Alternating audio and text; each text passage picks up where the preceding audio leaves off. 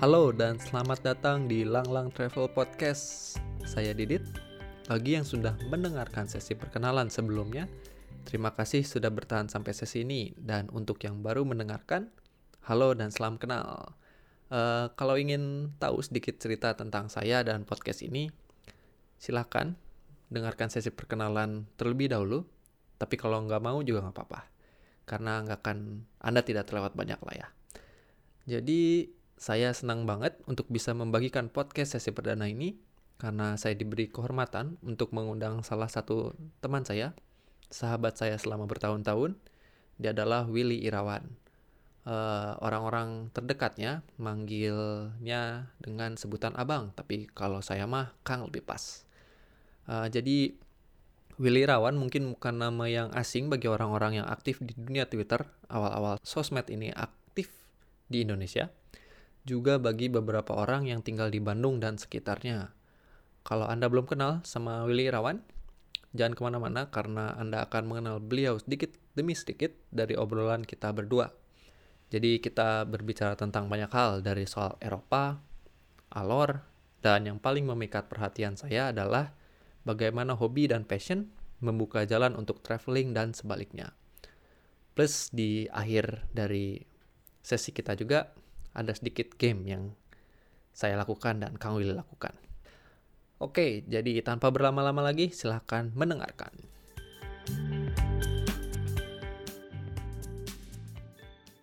Jadi uh-uh. sebelum kita mulai, Kang Willy, pertanyaan pertamanya adalah dunia udah di apa ya? Dikuasain sama zombie, zombie apocalypse. nah, terus, uh... oke, okay, nah, terus Kang Willy disuruh ngebuat tim. Timnya terdiri dari empat orang, termasuk Kang Willy. Tiga orang itu siapa yang Kang Willy pilih? Bikin tim zombie apocalypse cuma tiga orang. Empat.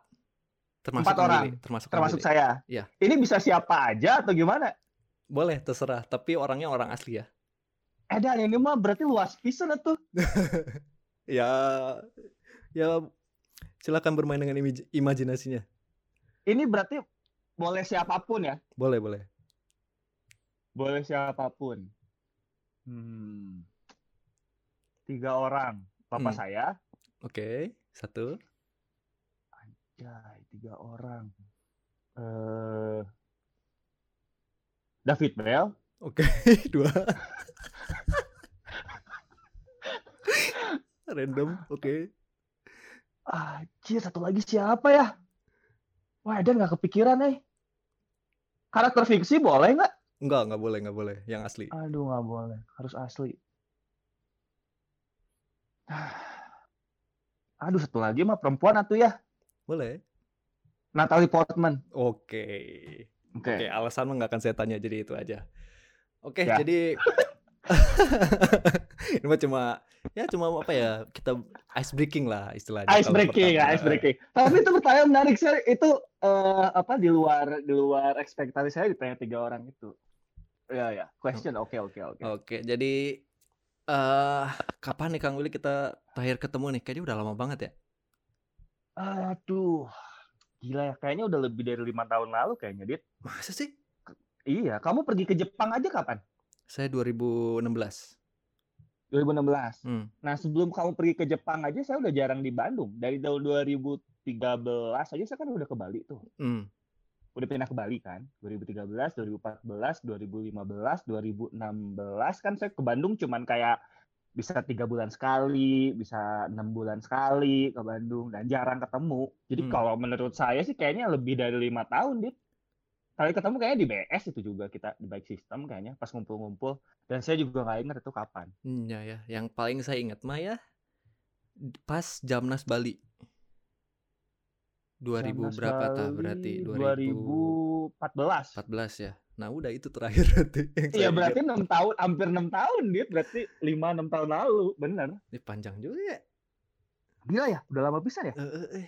Tapi saya ingat masih kita, kita masih ketemu di BS sih sekali. Oh ya? udah gitu kamu pergi ke Jepang hmm. gitu. dulu mah hampir tiap malam kita ketemu ya sambil main apa werewolf werewolf ya dan random pisan.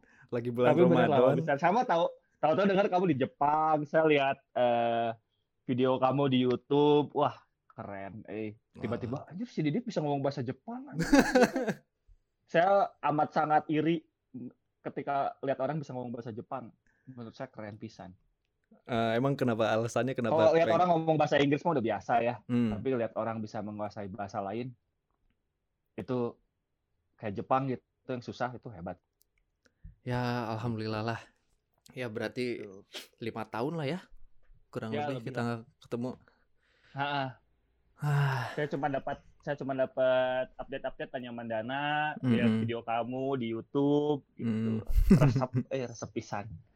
Gitu.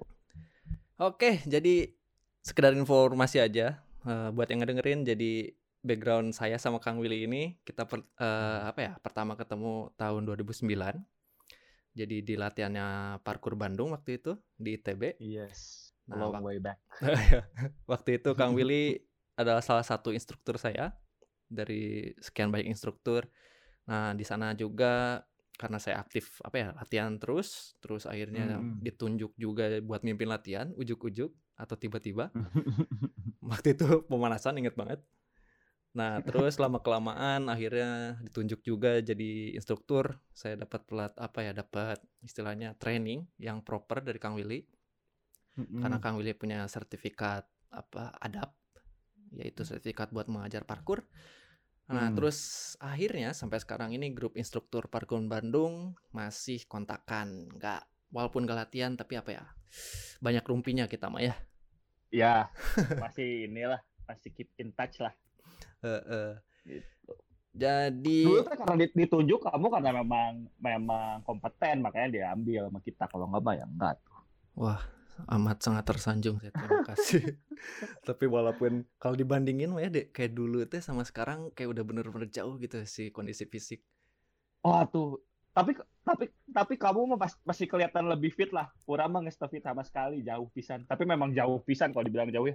Zaman dulu sama sekarang udah jauh pisan tapi kan ini Kang Wilima tuh masih diving masih Beda. Masa diving, sih? Diving, diving lebih ke endurance dan nggak perlu banyak otot uh, kayak explosive gitu kan udah enggak. Gitu. Hmm. gitu lebih ke endurance saja ngangkat-ngangkat tanki juga bukan ngangkat yang gimana-gimana gitu oh jadi jadi beda lah memang beda jauh banget jauh banget sama ke waktu kita dulu latihan hampir setiap hari selama bertahun-tahun itu hmm. wah jauh pisan jauh pisan ya, kayaknya kayaknya hampir semua angkatan kita, angkatan kita, kita beda angkatan kita. Dari angkatan parkur Bandung. Nah, ya angkatan parkurnya. Jadi apa ya? Kayaknya semuanya udah sama deh, kayaknya udah menurun. Paling cuma ya satu orang ya yang masih terus aktif. Iya, ada beberapa lah yang masih sakit fisiknya malah. Hmm. Oke, maksudnya sakit dalam artian masih bagus ya. Uh, uh. Gitu. gitu. Jadi uh, let's talk about travel. Jadi alasan kenapa saya ngundang Kang Willy di podcast ini adalah karena Kang Willy adalah salah satu orang yang menginspirasi saya pertama kalinya untuk travel dulu banget. Jadi setelah Waduh. ketemu, jadi saya kan mulai tuh 2009 Maret. Nah mm -mm. dari situ teh saya apa akrab sama yang lain kayak sama instruktur-instruktur lain kayak Opal, mm -mm. Uli, Joshua. Nah abis itu teh Maret terus saya inget banget, saya inget banget. Terus saya kenal Kang Willy tapi akhirnya hilang tuh Kang Willy teh eh ke mana sih Kang iya eh nah udah terus saya nanya ke yang lain ini Kang Willy ke mana ya oh Kang Willy ini katanya lagi travel ke mana ke Eropa wah edan ke Eropa kata saya teh terus waktu itu juga udah temenan kan jadi udah eh waktu itu saya belum temenan di Facebook Kang saya ingat saya belum temenan di Facebook tapi teh saya teh ngeliatin Facebooknya Kang Willy teh unggal minggu ganti-ganti wae profil picture-nya ayah ayah di Paris lah, ayah di mana lah, ayah di Amsterdam, ayah keren pisan. Terus akhirnya pulang kan, pulang terus ngedengar ceritanya langsung. Wah dari situ mah bener eh, ini mah apa ya? Saya juga harus gitu, kepikiran di sana teh. Terus kita ngobrol, terus makin kenal juga. Terus akhirnya di Facebook temenan, dan akhirnya saya ingat banget setelah ngeliat fotonya Kang Willy itu di Facebook di albumnya yang judulnya adalah Traveling Without Moving Part 1. nah, yang yang isinya sebenarnya adalah uh, foto aing uh, pakai pakai kamera SLR terus dibalikin teh. Yeah. Sama sekarang mah namanya selfie. Uh, semuanya selfie, semuanya selfie.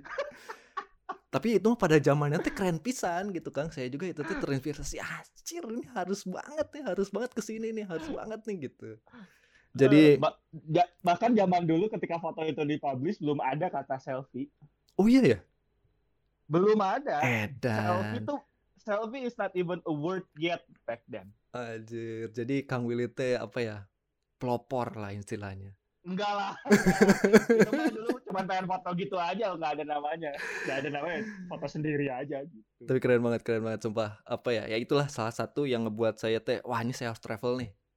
Saya harus Terus sama. Kita nih. pas saya pas saya ngilang teh berarti itu juga kita baru kenal baru karena saya juga masih inget itu teh saya pergi teh bulan Mei.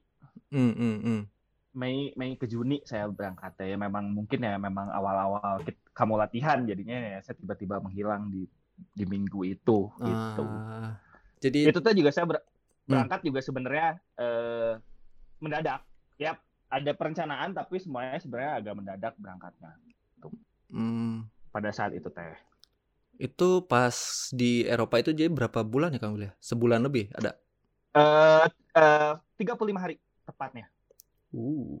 Saya saya dapat saya dapat visanya 25 hari, eh 35 hari Mm-hmm. Uh, dulu dulu tuh sebenarnya cerita di baliknya itu adalah uh, saya tuh dapat pilihan dulu. Mm. Bukan pilihan, saya beruntung. Jadi uh, setelah nabung dan uh, dikumpulin duitnya, uh, tadinya saya mau kuliah S2 mm. di SBM ITB ngambil apa dulu tuh ya? Saya lupa ya. Bisnis dan manajemen? Iyalah, ya ngambil S2 aja pokoknya mah. Mm. Saya tes Nah, tapi di, di, saat, di saat yang sama, saya apply visa Schengen. Karena hmm. saya juga bilang sama teman saya bahwa uh, saya pengen mengunjungi dia karena saya punya teman dekat uh, orang Belanda. Dia datang hampir ke Indonesia setiap tahun dan saya setiap dia datang ke Indonesia, tepatnya dia datang ke Bali, uh, saya datangin dia ke Bali atau kalau misalnya saya nggak bisa datang ke Bali, dia datang dia datangin saya ke Indonesia. Hmm. Dan itu teh mulai dari tahun 2002. Nah, hmm. jadi pas 2009 uh, dia tuh bilang ya lu setiap tahun nih bilang mau datang mau datang tapi nggak jadi jadi gitu terus saya bilang ya udahlah saya apply visa gitu kan nah ternyata si apply ketika saya apply visa saya tes uh, masuk untuk S2 hmm. nah di saat yang bersamaan ketika saya selesai tes S2 saya dipanggil sama si administrasi di SBM hmm. katanya saya semuanya lulus, cuma satu tes yang nggak lulus. Wah. bahasa Indonesia. Bahasa Indonesia kenapa? Jadi saya harus mengulang tes bahasa Indonesia-nya. yang adalah kalau nggak salah seminggu lagi setelah dikasih tahu. Hmm. Nah, besoknya visa saya keluar. Bimbang itu. Setelah dikasih tahu itu, visa saya keluar. Jadi saya, saya aduh, ini tes saya harus milih nih duitnya saya pakai S2 atau saya pergi uh, liburan. Hmm. Nah, hmm. pas kebetulan pada saat itu sesuatu terjadi dalam hidup saya. Jadi hmm. saya putuskan untuk pergi aja traveling duitnya dipakai buat uh, traveling. Oh. Bukan dipakai buat sekolah. Hmm. gitu, Dit. Gitu ya. Jadi apa ya istilahnya ya? Self healing mungkin? Self healing trip? Uh, ya. Bisa dibilang begitulah.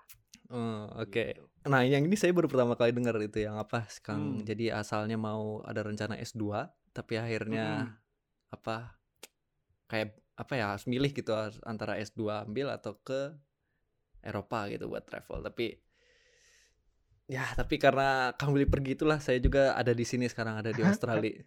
sampai ke Jepang living, gitu saya living the dream living, living the dream. berat pisan ya itu kata-katanya. Harusnya saya nggak pilih kata itu. Iya benar. Ya ya apa ya menurut saya kan setiap orang mempunyai kalau uh, itu itu kenapa buat saya traveling itu sebenarnya bukan soal pergi ke satu tempat dan uh, foto-foto gitu loh. Hmm, hmm. Karena menurut saya traveling uh, menurut saya pribadi itu lebih ke uh, apa ya? Kayak men, kalau kalau kata zaman orang zaman dulu adalah menemukan jati diri. Mm-hmm. Teh benar gitu menurut saya gitu. Mm-hmm. Uh, ketika saya pergi pada saat itu itu benar-benar eye opener banget sih. Uh, udah apa ya? Semua yang saya tahu soal dunia itu terbuka gitu. Karena ya tapi pada saat itu kan hanya itu hanya hanya Eropa. Dan itu pun hanya sebagian kecil dari dari dari dari seluruh dunia gitu. Jadi saya nggak bisa bilang pemikiran saya terbuka gitu. Enggak gitu. Tapi saya belajar banyak dari situ. Karena pada zaman pada zaman itu saya pergi itu pertama kali saya pergi jauh. Hmm. itu pertama kali saya pergi sendirian saya nggak punya keluarga kecuali teman-teman saya di sana yang akhirnya menjadi keluarga saya gitu. Uh, dan itu cuma ada di satu kota sisanya benar-benar traveling sendiri. Dan zaman dulu itu untuk punya koneksi internet itu mewah. Ya ya betul nggak betul. semudah sekarang gitu. Dan semuanya tuh dipersiapkan uh, 2009 udah zaman internet. Hmm. makanya saya uh, bisa bisa dulu saya bikin blog harian hampir hampir kalau bisa tuh bikin blog harian dulu di Facebook entah masih ada atau enggak saya juga udah lupa hmm, uh, tapi kita cek lah tapi nggak semudah itu nggak semudah itu untuk untuk punya data dan mahal pada saat itu. Jadi memang benar-benar uh, jalan-jalan kan nanya orang, pakai hmm. peta, pakai hmm. peta tuh benar-benar peta peta-peta bukan Google Maps. Hmm, peta yang dilipet-lipet gitu ya, yang kertas. Uh, uh, nah. Bener, pakai dan dan ya udah tersesat lah yang akhirnya ketersesatan itu menemukan ke tempat-tempat yang menyenangkan gitu ketemu orang baru gitu. Pergi ke hmm. hostel dan ketemu orang-orang yang pada saat itu traveling juga berbagi informasi segala macam. Uh, kayak melihat keramat tamahan dunia seperti apa melihat cara caranya dunia bekerja seperti apa. Uh, belajar banyak dari kita bikin bikin planning ternyata nggak sesuai dengan apa yang kita yang kita inginkan dan kita harus beradaptasi dengan cepat gitu. Hmm. Uh, soal biaya juga gitu diirit-irit mana yang penting mana yang enggak gitu uh, belajar tentang diri sendiri ketika lagi keadaannya nggak sesuai dengan yang kita inginkan atau sesuatu tiba-tiba terjadi kita harus seperti apa berhadapan sama orang-orang baru yang kita baru kenal takut hmm. untuk percaya takut ditipu kayak gitu-gitu wah banyak lah gitu benar-benar apa ya hum, humbling very humbling experience gitu hmm. very very humbling experience jadi kalau misalnya nih saya harus nanya atau misalnya Kang Willy harus jawab hmm. dari dari semua trip itu dari semua uh, selama 35 hari itu apa uh -uh. ya apa yang paling Kang Willy ingat gitu jadi yang benar apa yang ngebuat saya berubah gitu sampai sekarang dari apa ya satu satu momen aja uh, wah, saya kalau kalau ditanya satu momen, salah satu momen yang paling saya ingat ya, ini yang paling saya ingat hmm. adalah uh, ketika saya duduk di depan sakrekor bersama orang-orang yang saya nggak kenal, mm-hmm. ngelihat orang ngamen di depan saya di tangga itu dan view-nya Paris dan saya di situ berpikir bahwa anjir hidupnya memang se seindah itu uh, dan masih banyak yang harus yang harus dicari tahu, masih banyak yang harus dijelajahin gitu. Hmm. Itu salah satu momen paling berkesan menurut saya. Saya masih ingat sih karena memang anjir ini tempat ya perjalanannya memang humbling banget sih gitu. Hmm, hmm, hmm, hmm. Memang humbling banget. Tapi dari tapi saya punya soundtrack uh, perjalanan itu. Oh, soundtrack ini apa? Jadi kalau misalnya Kang Willy ngedenger lagu ini teh, ingetnya wah ini nih waktu itu pas di Eropa denger lagu ini gitu? Itu tuh saya putar-putar terus lagunya Up. Green Day. Yang mana tuh? Aduh, nama judulnya? Orang pohon judulnya. aduh, aduh, nanti saya inget-inget dulu. Kenapa saya lupa? Tapi uh, Green Time of Your Life ya? Apa sih? Green Day Time of Life. Saya cuma Good tahu Riddance. Good Riddance. Good Riddance. Saya kurang tahu tuh lagu yang mana, tapi So, soalnya apa ya? Oh, oh ya ya ya. Oh ya ya ya ya ya. Itu itu itu lagu. Setiap saya dengar lagu itu, saya pasti akan merinding dan bercucuran kayak mata saya berkaca-kaca aja gitu. Hmm. Karena itu lagunya kayak pada saat itu kayak anjir gitu. Hmm. Pas banget lah gitu. Dan semua tiba-tiba potongan-potongan Eh, kejadian-kejadian yang 35 hari itu mm -hmm. muncul gitu orang-orang yang saya temuin. Mm -hmm. uh, sahabat saya yang host saya di sana gitu. Wah itu tiba-tiba muncul gitu. Dan dari situ uh, saya memang memutuskan kayak oh saya pengen traveling lebih banyak sih kalau bisa gitu setelah si Eurotrip itu gitu.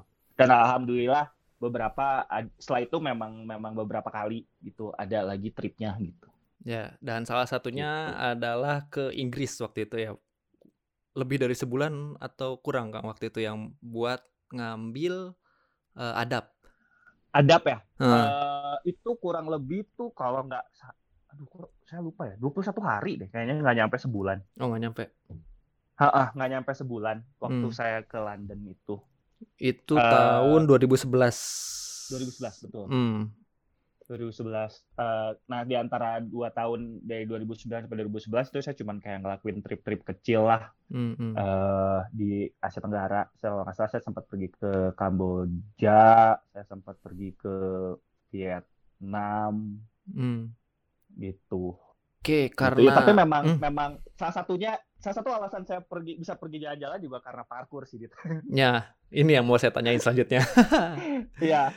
jadi sih. Hmm, nah, jadi saya ingat banget itu juga uh, tahun 2015 Kang Willy yang pernah yang ke Inggris terus dengar 2012 eh 2011 kan eh, 2011 2011, 2011 ke sana ke Inggris eh itu tuh sempet ke Prancis atau sebelumnya itu ya ke Prancis ya? Oh, Prancis mah sebelumnya ya? Ke Prancis pas pas ke ke Prancis itu pas 2009. Oh, yang jadi apa ya naik haji parkur pertama kali itu ya? ke Demdulak. Demdulak. Ke Every. Bisa jadi Kang Willy adalah orang yang naik haji pertama alias naik haji parkur pertama dari Indonesia yang jadi itu saya nggak tahu sih nggak nggak tahu ya mungkin ya tapi saya juga nggak pernah ya gitu siapa lagi kang soalnya siapa lagi sok jadi orang dari parkur Indonesia tuh perasaan ada deh foto foto siapa orang Jakarta dulu kalau nggak salah foto di Damdulak juga deh kayaknya iya tapi sudah itu kalau nggak salah saya ingat waktu itu siapa ya Onyos kalau nggak salah Onyos nge-komen gitu atau nge-share di Facebook wah ini nih kayaknya nyusul Kang Willy nih jadi orang yang pernah haji parkur pertama huh? katanya jadi Kang Willy punya title sebenarnya jadi Haji Parkur. itu uh, saya tuh kalau misalnya udah suka sesuatu memang kadang-kadang suka berlebihan sih sampai kayak gitu-gitu aja saya lakuin. Ya, yeah, yeah, but that's good for you I think. Like yeah, really you learn you learn a lot and you also teach a lot. Yeah. I I like to share. That's the thing. I like to share. Yeah, yeah that's good. Terus ya karena dari parkour itu juga dan Kang Willy selain naik haji parkour pertama kali sebagai titlenya hmm. adalah orang yang mendapatkan sertifikasi adab pertama kali dari Indonesia. Betul, kan? Uh, I think so. Like, seingat saya sih, ya. There's no one else. At that moment ya, at that moment. Uh. At that moment, yes, ya. Yeah. 2011, yes. Ya karena parkour hmm. kan uh, saya baru latihan parkour 2007 2008 ya 2007 hmm. terus kan memang seperti yang kamu tahu sendiri kan kita memang seri, uh, ketika kamu masuk parkour Bandung kan sudah ber, lagi berkembang Tuh. kan hmm. dan pada saat itu kita, kamu tahu sendiri kita serius hmm. gitu seriusnya dalam artian adalah kita mengembangkan parkour ini uh, bukan hanya sebuah komunitas kecil tapi hmm. bahkan kita sempat parkour Bandung sempat menjadi kayak benchmark lah kita membuat membuat sesi latihan yang terstruktur, uh, instrukturnya juga terstruktur gitu, organisasinya amat sangat terstruktur, komunitasnya terstruktur. Hmm. Sampai kita juga pertama kali ketika bikin Jamnas kita mengundang Parkour Generation yang notabene pada saat itu adalah organisasi uh, salah satu organisasi terbesar dan kayak kiblat dalam tanda kutip ya yes. di parkour di, di dunia parkour gitu. Jadi, yang base-nya di Inggris buat yang yang base-nya di Inggris yep. dan mereka juga mengeluarkan sertifikasi mengajar makanya pada saat itu kembali hmm. uh, menabung dan tujuannya yaitu pengen datang ke sana hmm. uh, belajar uh, dalam tanda kutip mencuri ilmu untuk diterapkan di di parkur Bandung khususnya. Yang yang pada saat itu saya mikirnya untuk Bandung aja bukan buat Indonesia. Gitu ini pisannya Bandung pisan gitu orangnya teh. Caufinisme Caufinisme saya mau ngomong itu tapi bisa ah bisa bisa tersinggung tapi ah untungnya kami yang luar itu. Kan memang agak tinggi tapi pada pada ujungnya ya dipak alhamdulillah uh, semua orang nggak semua sih pada saat itu uh, seperti ya ya kan saya pikirnya ya mulai untuk yang kecil dulu ya hmm. kalau misalnya ternyata orang lain suka ya boleh kita nggak mau muluk ya saya mau lakukan ini demi Indonesia enggak lah orang saya mikirnya ya buat eh, buat diri saya sendiri gitu hmm. saya ke sana juga saya pengen belajar buat diri saya sendiri gitu. hmm. ya uh, setelah saya pulang ya yang pertama kali saya terapin ya buat di parkur Bandung baru kalau ternyata orang lain suka ya boleh dipakai yang lain gitu dan tapi akhirnya bukan cuma di Bandung juga kan kepakainya karena Kang Willy waktu tahun berapa teh yang pindah ke Bali? 2013. Nah, 2013 pindah ke Bali dan itu juga apa? Tujuannya utamanya adalah jadi instruktur parkur. parkur, betul kan? Iya, betul. Iya, betul, betul. Betul, betul. Tapi kalau misalnya kita ngomongin Ing Inggris lagi ya, London mm -hmm. lagi. Yep. Itu di situ juga membuktikan kalau traveling itu uh, balik lagi eye opener lagi gitu hmm. uh, saya saya bikin budgeting segala macam itu amat sangat ketat yep. karena kita tahu London adalah salah satu kota termahal Iya. Yeah. gitu uh, saya tinggal waktu dulu saya ngebudgeting tinggal di hostel mm -hmm. uh, tapi uh, padahal uh, dan karena saya nggak kenal siapa-siapa. Tapi kan sebenarnya parkour adalah sebuah komunitas mendunia ya. Yep. Gitu. Tapi saya nggak bilang pada saat itu kalau misalnya saya mau datang ke sana berapa lama. E, ketika saya ikut latihan-latihan, baru mereka menawarkan. Tapi saya beruntung saya ketemu orang Indonesia di sana temannya teman saya. Mm-hmm. Dan setelah e, lima hari gitu, e, dia dengan dengan dengan ramahnya menawarkan saya untuk tinggal di tempatnya. Baik hmm. lagi kebaikan kebaikan warga di dunia ini sebenarnya manusia itu memang pada dasarnya luar biasa baiknya gitu loh. Mm-hmm.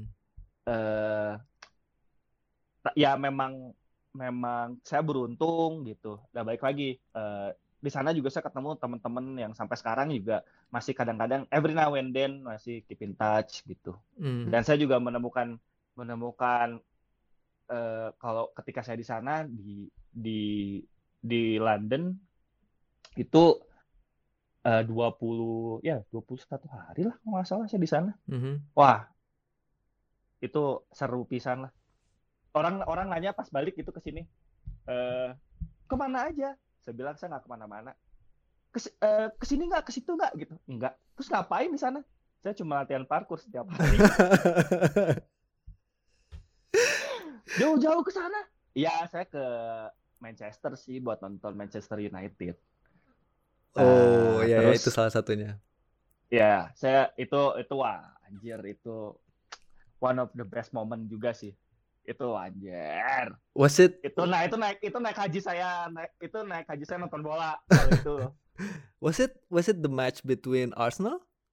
Yes, that we won 8 to 2. well, let's not talk about it further because I was there. because one of my um, yes. Yeah, you know, you know, one of my relatives is Arsenal fan, so let's stop there. Arsenal fan. Yeah. yeah, yeah. Well, yeah, that's that's good. I think like uh, apa ya? Saya juga saya juga suka bola, saya juga suka olahraga dan waktu saya tinggal di Jepang juga, uh, saya tinggal di Kyoto. Jadi mm -mm. apa ya di Kyoto juga nggak ada komunitas parkur waktu itu. Yang mm -mm. adanya di Kansai itu saya harus ke Osaka dan waktu itu saya baru berapa ya minggu kedua atau minggu ketiga kalau nggak salah saya pas tinggal di Jepang pengennya ah pengen parkur nih di Kyoto nggak ada terus akhirnya saya nekat aja ke Osaka waktu itu saya nggak bisa bahasa Jepang sama sekali cuma bisa ya paling sapa-sapa doang ya konnichiwa mm. dan lain sebagainya akhirnya nekat aja ke sana terus latihan sama komunitasnya dan benar komunitas parkur teh apa ya benar-benar amat sangat menerima jadi walaupun yeah. saya nggak bisa ngobrol bahasa Jepang dan orang-orangnya apa ya uh, mereka juga kan orang Jepang apa ya terkenal sama yang nggak bisa ngobrol bahasa Inggris juga gitu. Jadi ya ya. tapi mereka apa ya menerima gitu. Apa ya karena ya, ya. saya saya nunjukin saya pengen latihan saya juga mungkin ya alhamdulillah waktu itu fisik saya juga masih kejaga. Jadi pas saya gerak-gerak sedikit mereka juga udah kira wah udah latihan berapa lama? Gitu. Lah mm-hmm. jadi dari situ apa ya saya merasa apa ya merasa diterima gitu istilahnya dan hmm. itu bukan cuma di Jepang doang karena pas di Indonesia juga pas kita apa ya jalan-jalan ke kota ya. mana-mana ya. ya kita selalu diterima sama orang-orang parkur betul. jadi beruntunglah saya mengenal parkur dan ya. Kang Willy juga mungkin Tapi, merasakan itu ya tapi Jep Jepang ya menurut saya adalah saya juga saya amat sangat amazed sama keramat orang Jepang. Hmm. Amat sangat amazed. Ketika saya pergi ke Jepang 2012, saya pergi sama Onyos waktu itu. Yep. Saya pergi sama Onyos dan beberapa teman saya yang lain. Kita nggak bisa ngomong bahasa Jepang. Mm -hmm. Setiap kita tanya sama orang Jepang tentang satu tempat, orang Jepang nggak bisa ngomong bahasa Inggris. But they took you mereka there. selalu mengantarkan kami ke tempat yang kami tanya. See that that's always that's happen. like freaking amazing. I know. Itu, itu membuat saya terenyuh dan selalu bilang anjir ya orang Jepang nih. Bisa ditanya, eh, bisa dihitung pakai jari sih. Memang kita bertanya sama orang Jepang mm -hmm. uh, pada saat itu. Tapi setiap kita bertanya, itu mereka akan mendivert tujuan mereka mm -hmm. untuk mengantarkan kita sampai ke tujuan kita. Tok entah itu berjalan balik 10 menit, entah itu cuma dua menit, tapi mereka akan berbalik arah dan mengantarkan kita ke tempat tujuan kita. Itu saya luar biasa yang kayak itu di situ saya sempat kayak berpikir, wah saya harus belajar bahasa Jepang nih untuk membalas budi, tapi nggak pernah jadi. well, you can start, you can start like, uh, I don't know, like maybe from tomorrow. Dua Duolingo ya? Iya, iya, suka start from Duolingo. Eh tunggu dulu, berarti kamu tuh pas ke Jepang memang nggak bisa bahasa Jepang sama sekali? Nggak bisa. Ya. Belajar di sana, memang di sana kamu memang sekolah bahasa Jepang. Hmm. Jadi apa ya? Sebelumnya belajar dikit karena ada apa ya syarat buat apa ya setidaknya ada keinginan gitu nunjukin keinginan pengen banget apa ah. pengen belajar bahasa Jepang. Saya teh apa ya ngambil kursus tiga bulan dan itu juga cuma du satu setengah jam gitu dari satu hari dan cuma tiga kali seminggu lumayan lumayan masuk gitu lumayan masuk. Saya bisa baca hiragana saya bisa baca katakana sedikit sedikit terus ya ngobrol paling cuma sampai di greetings doang. Akhirnya saya ke hmm. sana hmm. ke Jepang. Pas di Jepang nyampe buyar semuanya. Nol. Anjir ini di mana? Ini saya harus ngomong apa coba cuma bisa bahasa Inggris. Terus bahasa Inggris juga waktu itu masih belepotan. Tapi ya apa ya? Ya apa ya? Amat sangat menerima lah orang Jepang walaupun ya ada beberapa lah ya mungkin kalau misalnya karena saya udah apa ya merasakan tinggal di sana dua tahun ya adalah kayak ada beberapa orang-orang yang kayak mungkin udah terbiasa sama turis kalau kita ngobrol pakai bahasa Jepang walaupun kitanya apa ya amat berusaha gitu mereka kayak uh, apa yang nunjukin gak pengen ngomong tapi mereka pengen ngebantu gitu selalu itu yang saya hmm, temuin hmm. dari orang Jepang yang saya suka ya, gitu ya. itu satu lagi yang dipelajarin ya dari traveling ya hmm. memang memang kalau nggak di sana ya belajarnya lebih cepat aja untuk belajar lebih pick up apa ya ketika kita terdesak working kayak working under pressure kadang-kadang membawa uh, the best out from a human. Jadi ketika kamu nggak bisa bahasa Jepang pun, kamu di sana, kamu dipaksa untuk survive. Betul. Beradaptasi dan akhirnya kamu bisa survive. Itu satu lagi sih menurut saya dari traveling yang menurut saya pelajaran traveling yang wah luar biasa. Saya dulu ya sampai bikin kayak adapt and you'll survive gitu. Ya, yes. Ya, kamu nggak bisa bahasa Jepang sedikit-sedikit, kamu di sana, kamu belajar, harus bisa harus bisa harus bisa. Akhirnya sekarang masih ya bisa ngomong bahasa Jepang. Kamu kan sekarang lancar ngomong bahasa Jepang kan? Ya lumayan. Nah ya gue lo rendah ya lumayan. Ya ya daripada ya saya bisa. Kan mending merendah tuh apa orang dari video kamu aja kamu udah bisa melakukan pembicaraan pakai Jepang ngobrol-ngobrol gitu ya itu udah bisa tuh. itu makanya kalau saya lihat lagi sekarang itu video apa yang ngerasanya aduh ini bahasa Jepang saya dulu kok belepotannya naujubillah min jalik eh. itu jelek ya, banget udah lebih bagus berarti kan ya alhamdulillah lebih bagus gitu hmm. ya apa ya ya selalu apa ya kalau dari belajar bahasa mah bagi saya teh setiap ada kesempatan buat ngobrol pakai bahasa itu pakai gitu. Betul. Hmm. itu juga dulu cara saya belajar bahasa Inggris. Setiap saya punya kesempatan ngomong bahasa Inggris saya ngomong bahasa Inggris. Oke kita balik lagi ke parkour. Balik lagi. Edan jatuh jauh pisan.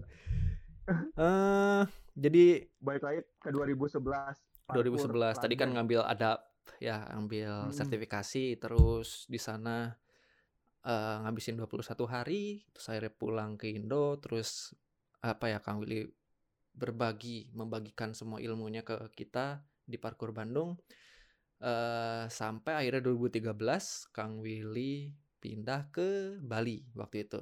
Apa sih yang ngebuat Betul. Kang Willy apa ya pengen lebih apa ya ngajarnya pengen lebih terstruktur kah atau apa gitu yang ngebuat waktu itu pindah ke Bali? Ini karena lagi. karena Sebenarnya, karena saya merasa merasa pisan kalau di parkur Bandung teh apa ya kita kan bekerja tapi secara volunteer voluntary gitu betul. jadi gak, kita nggak dibayar betul, sama sekali tapi karena kita betul. cinta doang gitu dan waktu betul. itu passion ya passion hmm, itu passion hmm. dan sebenarnya hmm, sebenarnya ya. alasan saya sebenarnya alasannya cemen dit itu tuh alasan saya tuh kayak misalnya orang nanya oh traveling alasan traveling sebenarnya alasan saya traveling mm-hmm. waktu 2009 pertama kali memutuskan mm-hmm. memilih traveling daripada sekolah S2 saya pindah ke Bali 2013 uh, pada saat itu saya nggak pernah berpikiran bahwa saya akan tinggalin Bandung ya. Mm-hmm. Saya bakalan, saya, saya pikir saya born and raised di Bandung, mati juga di Bandung, hidup saya bakalan seumur hidup di Bandung gitu. Padahal saya juga saya sebenarnya pengen punya kayak pengalaman kayak kamu gitu tinggal di luar gitu. Tapi waktu dulu nggak punya kesempatannya aja. Mm. Nah 2013 tuh kesempatannya datang. Mm. Uh, Adit Roar seperti yang kita tahu salah satu foundernya Parkour Indonesia. Yep. Udah duluan di sana. Onyos mm. ya Daniel duluan mm -hmm. di sana ngajar. Nah kesempatannya datang. Ketika saat itu mereka bilang sebelumnya mereka udah nawarin mau nggak dia pada saat itu saya mikir ah nggak Hmm. Nah, 2013 uh, eh, itu uh, kesempatannya datang lagi, mereka menawarkan sekali lagi dan pada saat itu sama kejadian sesuatu sesuatu terjadi lagi dalam hidup saya. Jadi hmm. sebenarnya uh, silver liningnya adalah satu, saya patah hati. Setiap patah hati, sesuatu terjadi dalam hidup saya yang luar biasa. Tapi hmm. saya percaya uh, kan ketika kamu bersedih punya punya energi negatif ya. Yep. Yang namanya sedih kan energi negatif yeah. ener punya energi yang besar. Hmm. Nah, energi itu disalur. Nah, pada saat kalau saya energi yang besar itu saya salurkan selalu ke sesuatu yang pada saat itu saya salurin ke traveling. Hmm, hmm. 2009, yep. cepat hati, saya punya pilihan. Ah, daripada saya diam di Bandung, saya pergi ah. Sebentar, ke Eropa. Traveling ah. Ke Eropa, ke Eropa. jauh. Iya, maksudnya ah, eh, ya, tapi alasannya adalah pada saat itu ah, saya patah hati gitu. Saya pengen keluar dari Bandung punya kesempatannya saya dapat visa ya udah saya pergi yep. gitu dan 2013 sama terjadi ada sesuatu dalam hidup saya mm-hmm. uh, saya punya rencana dan tidak tidak berhasil mm-hmm. uh, tidak ber, tidak berjalan kemudian saya kayak berpikir aduh saya nggak bisa nih diam di Bandung karena saya uh, pada saat itu kayak saya perlu keluar sebentar dari Bandung mm-hmm. dan kesempatannya muncul ditawarin kerjaan untuk ngajar parkur di Bali. Bali. Hmm. Gitu loh. Jadi sebenarnya alasannya bukan buat orang lain sebetulnya alasannya untuk saya sendiri oh. baik lagi untuk self healing untuk membantu diri saya sendiri mm-hmm. untuk memaafkan diri saya sendiri proses saya untuk menerima mm. betulnya uh, terkadang kan ketika kita mumet kita harus pergi dulu nih mm-hmm. dari keadaan untuk akhirnya bisa melihat tentang kenapa sih itu bisa kejadian apa sih hikmahnya mm. kenapa uh, dan menerima semua ini terjadi. Nah, sebenarnya alasannya saya pada saat itu adalah itu untuk pergi dari Bandung untuk memberikan waktu kepada diri saya sendiri untuk menerima kejadian uh, yang terjadi gitu. Hmm. Bukan untuk uh, untuk men untuk menyebarkan ilmu parkur eh Sugan mungkin Enggak, kan sebetulnya, mungkin sebetulnya alasannya itu simpel uh... gitu cuman ya, oh. ya dari situ uh, ya itu 2009 saya pergi jalan-jalan karena itu dan saya ketagihan saya ketagihan ketemu orang-orang saya ketagihan uh, belajar tentang diri saya sendiri mm-hmm. bagaimana sih saya bisa survive ketika saya pergi uh, sendirian ke tempat yang saya tidak tahu yes. gitu mm-hmm. and somehow it's liberating gitu mm-hmm. uh, pergi ke satu tempat mm-hmm. di mana gak ada satu orang pun yang kenal kamu somehow it's very liberating Like, Rasa nggak? Pernah mikir gitu nggak? Uh, kayak selalu kamu selalu ke satu tempat, iya kan? Gak selalu. ada orang yang kenal kamu sama sekali. Kamu tuh cuman kayak orang baru di tempat yang kamu nggak kenal, orang nggak kenal kamu. You can do, you can be whoever you wanna be, or you can be yourself. Yeah, yeah, yeah. Completely being yourself without any judgment at all. Yeah, it's yeah. very liberating. True. And True. people will apa ya? Most of the people will accept whoever you are at that moment gitu loh. Ya, yeah, ya. Yeah. And that's very liberating buat saya. Betul. Dan itu, saya, itu salah satu yang membuat saya ketagihan. Betul, itu juga sih yang apa ya? Salah satu yang ngebuat saya waktu itu pergi ke Jepang. Apa ya? Benar-benar ngerasa udah apa ya? Stuck pisan di Bandung. Hmm. Dan kalau misalnya terus diam di Bandung atau misalnya ya sekalian apa ya kerja gitu di Bandung nggak akan apa ya nggak akan berkembang itu diri saya pribadi ya. Mungkin dapat hmm. pengalaman cuma karakter saya itu tetap gitu stuck gitu di situ. Ya. Nah makanya makanya dapat kesempatan waktu itu ke Bali eh ke Bali ke Jepang akhirnya ke, ke sana. Dan kalau harus saya akuin mah apa ya bener-bener ngerubah diri saya 180 derajat lah. Hmm. kalau Kang Willy inget juga ya banyak lah gitu. Saya dulu orangnya lumayan aneh sekarang saya apa ya? Enggak aneh, keras. ya lah keras. Bukan aneh itu, Bang, orangnya keras. Kalau kalau dari pandangan diri saya pribadi sekarang ngelihat saya dulu, ah ini orang aneh banget. Kenapa gitu? Kenapa dari apa cara berpikirnya kayak gitu gitu. Tapi setelah ke setelah ke Jepang itu saya banyak punya banyak waktu sendiri, saya punya banyak waktu buat apa ya membandingkan gitu saya sama yang diri saya dulu. Hmm benar-benar ngerubah lah ngerubah diri pribadi. Jadi benar banget. Menurut saya ya itu itu kan ketika kita melihat bahwa dunia ini nggak seperti yang kita tahu dit. Maksudnya mm -hmm. bukan hanya itu buk, kalau saya dulu selalu bilangnya bukan satu kebenaran tunggal tapi kebenaran majemuk gitu. Yes bahwa yes. semua orang ya punya nilai punya value semua orang punya caranya masing-masing. Ya kita harus melihat ya terkadang orang perlu kelu ketika ada orang yang kalau kayak kita kita keluar dan kita belajar dan kita oh iya ya ternyata begini ternyata begitu tapi ada yang ketika orang keluar oh ternyata oh saya nggak suka ini saya lebih senang value saya yang lama ada juga yang kayak gitu gitu yeah, sebetulnya yeah, gitu. Yeah. ya kita kebetulan adalah orang-orang yang ketika kita pergi kita hmm. keluar kita hmm. ter, kita melihat hal, hal yang baru dan terbuka gitu dan itu diterima sama kita dan membuat diri kita ya alhamdulillah menurut pandangan kita lebih baik dan mungkin menurut orang juga semoga buat buat orang lain lebih baik juga gitu loh. Betul, betul, betul. Iya nggak sih? Gitu. Iya, gitu. betul banget. Kalau menurut saya. Betul banget sih. Dan dan dan menurut saya sebut saya esensi traveling adalah menurut saya itu kamu belajar dari uh, dari ketika kamu pergi. Kamu belajar tentang dirimu sendiri, kamu belajar tentang banyak hal di luar sana. Dan semua pengalaman itu memperkaya diri kita sendiri dan dan apa ya? Uh, humbling tuh bahasa Indonesia-nya apa ya tepat ya? Rendah diri. Iya, membuat kita rendah diri gitu. Betul banget. Betul banget. Betul banget. Gitu. Kalau menurut saya ya, itu kita belajar banyak bahwa kita tuh nggak tahu ya pada ujungnya eh kita tuh memang nggak tahu apa-apa ya gitu. Dan banyak sekali yang kita harus pelajarin dan ya memang it's it's experience gitu. Iya. Yeah. It's experience. Uh, kalau saya dulu bilang ketika saya traveling, kalau eh, buang-buang duit, buat saya traveling adalah investasi betul, buat diri saya sendiri betul, gitu. Betul, betul. Karena buat saya traveling it's not just about I'm going to somewhere else and take a picture and then okay I've been here. Yeah. Gitu.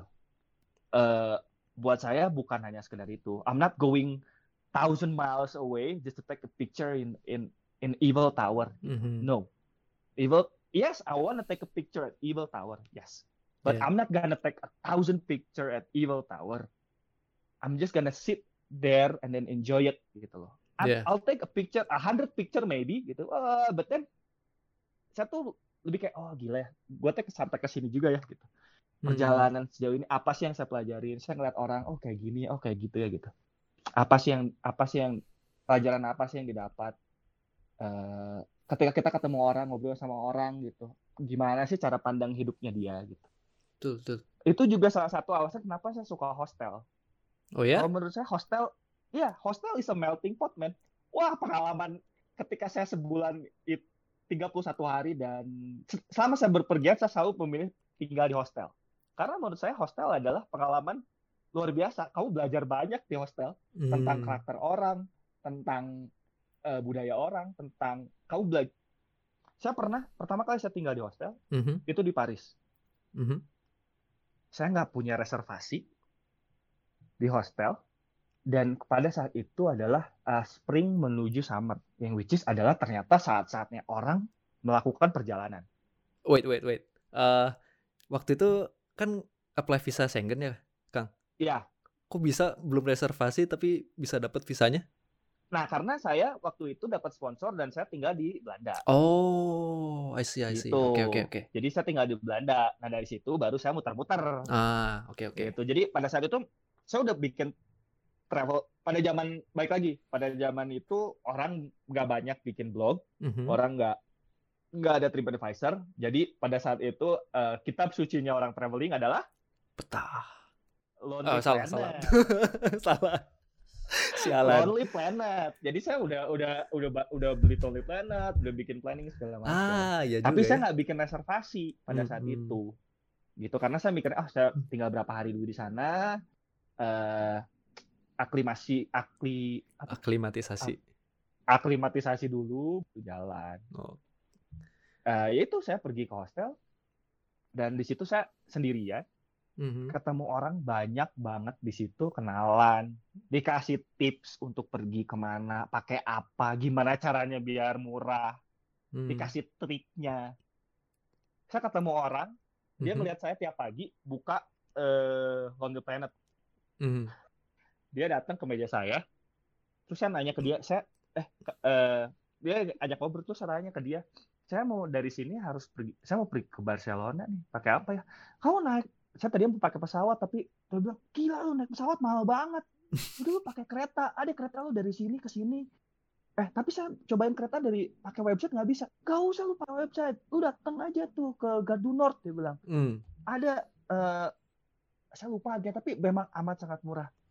Lu itu tuh overnight train lu tinggal tidur di situ lu nggak perlu bayar hostel bla bla bla bla bla terus dia ambil buku saya. Hmm. saya masih ingat dia ambil buku Lonely Planet saya dia lempar ke eh, apa tempat sampah gitu. Saya langsung ya jangan jangan. Dude you are in the hostel dia bilang. Talk to people. Ask around. They gonna give you the best advice forget your book dia bilang gitu talk to people man your information is in front of you dia bilang gitu talk to people itu di situ saya langsung kayak kayak ditampar tau gak kayak ditampar Dit. beneran kayak oh iya ya bener juga ya gitu Hmm. dengan saya tanya ke dia saya menghabiskan sepagian itu untuk mencari tahu gimana caranya saya pergi dari Paris ke Barcelona. Barcelona. Informasi saya ada di depan muka. Saya tanya dia, dia jawab nggak nyampe lima menit saya tahu harus gimana gitu. Terus saya bilang, "Eh, but I'm gonna take my book back. yes. I already bought it. I still need it, man. I'm gonna have you around. Dia bilang, iya iya iya, lu ambil lagi nggak apa-apa kata gitu. It's a good story. Wah, man, wah, so many things lah, so many things. Yeah. Oh, Enggak. gue jadi melenceng jauh nih dari Bali. Ya. ya kan, ya kan. Biarkan saja ini mah podcast ini mah benar-benar. Iya, ba- Mm-mm. balik lagi, balik lagi ke Bali. Oke, kita balik lagi ke Bali kalau gitu. Sorry, sorry. Nah, jadi balik lagi ke Bali. Eh, waktu Ya. itu jadi di Bali dari 2013 sampai tahun berapa tuh, Kang? I lost track, I lost track. 2013 sampai 16. 2016. Nah, di 2016 akhirnya eh sebelum 2016 itu berarti ngambil sertifikasi dive master ya. Jadi Kang Willy waktu itu Betul, apa? betul. Can I Jadi, say can I eh, say like Jadi it's uh, your turning point also like you change from parkour to diving? ah ya, kinda. Jadi uh, as you know, uh, parkour is very personal ya. Yep. And very uh, idealistic gitu loh. True. Amat sangat idealisme idealismenya tinggi buat saya. Parkour itu adalah uh, idealisme yang tinggi pada saat itu. Iya. Uh, it's not just a sport, man. It's a way of living. Uh, par- parkour actually saved my life. Gitu dari dari dari boredomness dari dari anjir gue tahu lainnya gitu. Hmm. Uh, parkour bener-bener kalau buat saya it's very personal gitu. Jadi ketika saya pergi ke Bali dan dapat kesempatan mengajar, saya amat sangat menikmati mengajar anak kecil pada saat itu dan orang dewasa. Yep. Tapi ketika itu dijadikan sebuah pekerjaan dan menjadi komersial, ada konflik of interest di dalam diri saya. Hmm. Karena buat saya, ketika saya harus mengkomersialisasikan apa yang saya suka, eh, itu menjadi beban dan saya tidak dan saya tidak menikmatinya Hmm. yang pada yang adalah sebetulnya adalah sebuah konsekuensi gitu loh ditambah pada saat itu juga saya nggak begitu suka sama let's say our uh, head of the team lah Oh, oke. gitu loh uh, nggak bukan nggak suka tapi nggak sejalan oh, yep. untuk sama Adit sama Onyos ya karena kita kita kita berdua lahir dari sebuah komunitas jadi pemikirannya masih jalan tapi memang agak sulit pada saat itu sampai akhirnya Onyos berhenti duluan mm -hmm. dan dua orang berhenti I don't I, I'm not seeing the point then gitu loh when the team is broken then buat apa orang di sana di sini, gitu. gitu. Uh, uh. Jadi akhirnya saya mengundurkan diri tuh setelah setahun. Nah, hmm. 10 bulan lah, 9 sampai 10 bulan. Kontrak belum selesai, saya bilang saya resign aja. Saya bilang gitu. Akhirnya hmm. saya resign. Hmm. Uh, dan sebetulnya saya ke Bali pun juga saya resign, uh, bukan resign, tapi saya kayak, saya kerja di perusahaan bapak saya. Jadi hmm. saya bilang sama bapak saya, saya perlu break nih gitu pun. Tuh, jadi saya masih punya, ketika saya resign, saya masih punya 2-3 bulan untuk di Bali. Jadi dan saya senang diving pada saat itu. Hmm. Jadi saya akhirnya memutuskan untuk memakai waktu yang sisa saya untuk jalan-jalan keliling Bali hmm. sama pacar saya pada saat itu, yep. dan juga uh, pergi diving, gitu, uh, melakukan uh, diving keliling Bali lah hmm. sampai pada akhirnya saya pergi ke uh, Pulau Nusa Lembongan gitu. Yang tadinya saya niatnya cuma tiga hari di sana berubah menjadi 20 hari kalau nggak salah ya, kurang lebih. Mm -hmm. Nusa Lembongan ini pulau kecil di, ya, di yang... timur Bali lah. Uh -uh. Oh iya ya. Gitu. Ada tiga pulau kecil kan di timur Bali. Nah saya amat sangat saya amat sangat menyukai pulau tersebut. Saya senang divingnya dan saya senang orang-orangnya dan saya senang tiba-tiba kepincut sama gaya hidup sederhana dalam tanda kutip di sana. Hmm. Gitu loh uh, kerja pagi kerja pergi diving sorenya saya menikmati indahnya sunset ngobrol sama teman-teman oh. uh, gitu lagi besoknya gitu lagi gitu lagi gitu lagi saya entah entah kenapa pulau tersebut kayak punya magnet dan saya kayak ah, ini menyenangkan sekali ya gitu hmm, hmm. berada di pulau ini gitu loh hmm. dan saya amat sangat di senang diving pada saat itu dan saya ditawarin karena saya tinggal lumayan lama di sana, akhirnya si yang pu ini ini satu lagi ya, mungkin karena saya senang ngobrol dan mm -hmm. for me traveling is about you know uh, connecting with people.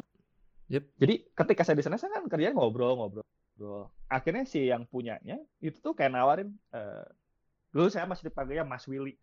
Mm. Mas Willy mau nggak nggak kepikiran mau jadi ngambil dive master di sini gratis tapi abis itu kerja di sini What? Saya kepikiran kayak, hah? Masa sih? Gratis gitu ya? Saya bilang. Gitu. iya, tapi kerja di sini kontrak. Terus saya bilang kayak, aduh, wah menarik juga nih tawaran gitu ya. Hmm, hmm. Aduh, saya nggak bisa beli. Saya bilang, saya harus pulang dulu karena saya ya, uh, ada ada kerjaan di Bandung. Hmm. Nah, tapi saya pikirin dulu deh. Oh ya udah, ya nggak apa-apa. Ini cuman cuman tawaran aja. Gitu. Hmm, hmm. Ya udah, uh, udah tuh akhirnya 20 hari saya di sana selesai, saya pulang tuh ke Bandung. Akhirnya saya pack semua barang saya kan di Bali, saya pulang ke Bandung tuh. Hmm. Dan memang si tawaran dive master ini nggak nggak bisa hilang dari kepala saya, dit. Hmm. Sampai akhirnya saya saya akhirnya memberanikan diri, saya bilang lagi sama bapak saya, saya bilang saya mau balik lagi ke Bali. Bapak saya sih nggak senang pada saat itu. bukannya balik lagi kerja di Bandung gitu enggak saya bilang saya pengen ngambil dive master kamu mau hmm. ngapain lagi enggak saya bilang saya menemukan apa yang saya suka dulu di di parkour saya ketemu lagi di di di diving, diving. bilang. Dan saya pengen memperdalam si diving ya akhirnya ya udah. Ya nggak bisa bilang nggak juga ya gitu. Akhirnya hmm. uh, akhirnya saya telepon. Saya telepon lagi tuh yang punyanya. Saya bilang beli saya datang ke sana ya saya balik. Saya bilang gitu. Saya ambil dive master. Tapi saya nggak mau dibayar eh tapi saya nggak mau ambil gratis. Saya bayar sendiri aja. Hmm. uh, saya dari dulu sebenarnya saya punya bukan apa saya punya masalah sama komitmen lah. Saya nggak suka di, dijadikan saya berutang kayak oh saya harus kerja dari jam segini jam segini dari dulu tuh saya kayak kurang suka sama hal-hal begitu sebetulnya jadi hmm. dan ketika saya bayar sendiri berarti kan saya bisa memutuskan apa yang saya mau gitu loh yes ya akhirnya bulan Mei tuh 2014 ya kalau nggak salah. Saya kembali lagi ke UDI. Saya ambil Dive Master. Dan harusnya Dive Master tuh program 4 minggu. Mm-hmm. Di minggu kedua, saya udah ditawarin kerja. Wow. Gitu. Ketika saya masih dalam training, saya ditawarin kerja. Mau kerja nggak? Abis ini mau ngapain? Dia bilang. uh, saya tadinya pikir saya mau volunteering karena ada satu organisasi NGO di sana yang ber, yang yang soal research mm -hmm. yang yang perlu volunteer. Tapi ketika ditawari kerja akhirnya saya pikir-pikir akhirnya terima kerjanya. Hmm. Uh, setelah 4 minggu, begitu hari pertama saya selesai, besoknya saya langsung kerja. Dan saya diem di Nusa Lembongan itu dari 2014 sampai 2016. Sambil dive master, sampai saya ambil instruktur diving di Nusa Lembongan. Mm-hmm. Gitu. Tapi ya hidup mah saya selalu berpikir kalau saya kan hidupnya apa yang ada kesempatan di depan mata saya coba jalanin, saya jalanin terbaik. Nah, hmm. pada saat 2016 hmm. saya ditawarin kesempatan sama teman-teman saya untuk uh, kerja bareng mereka untuk bikin dive center sendiri. Mm-hmm. Gitu. Nah, baik lagi, hobi saya, fashion saya membawa saya traveling. Yeah. Nah, diving membawa saya traveling lagi. Yep. Gitu. Yang tadinya parkour membawa saya traveling sana sini, akhirnya diving membawa saya traveling. Pergi ke Komodo, pergi ke Raja Ampat. Dan akhirnya semuanya apa ya? Tadi kan membawa saya ke, ke Alor. yes ya pas saya dengar gitu Kang Willy sekarang di mana? Di Alor. Ay, Alor di mana? Kata saya teh. Langsung Google kan.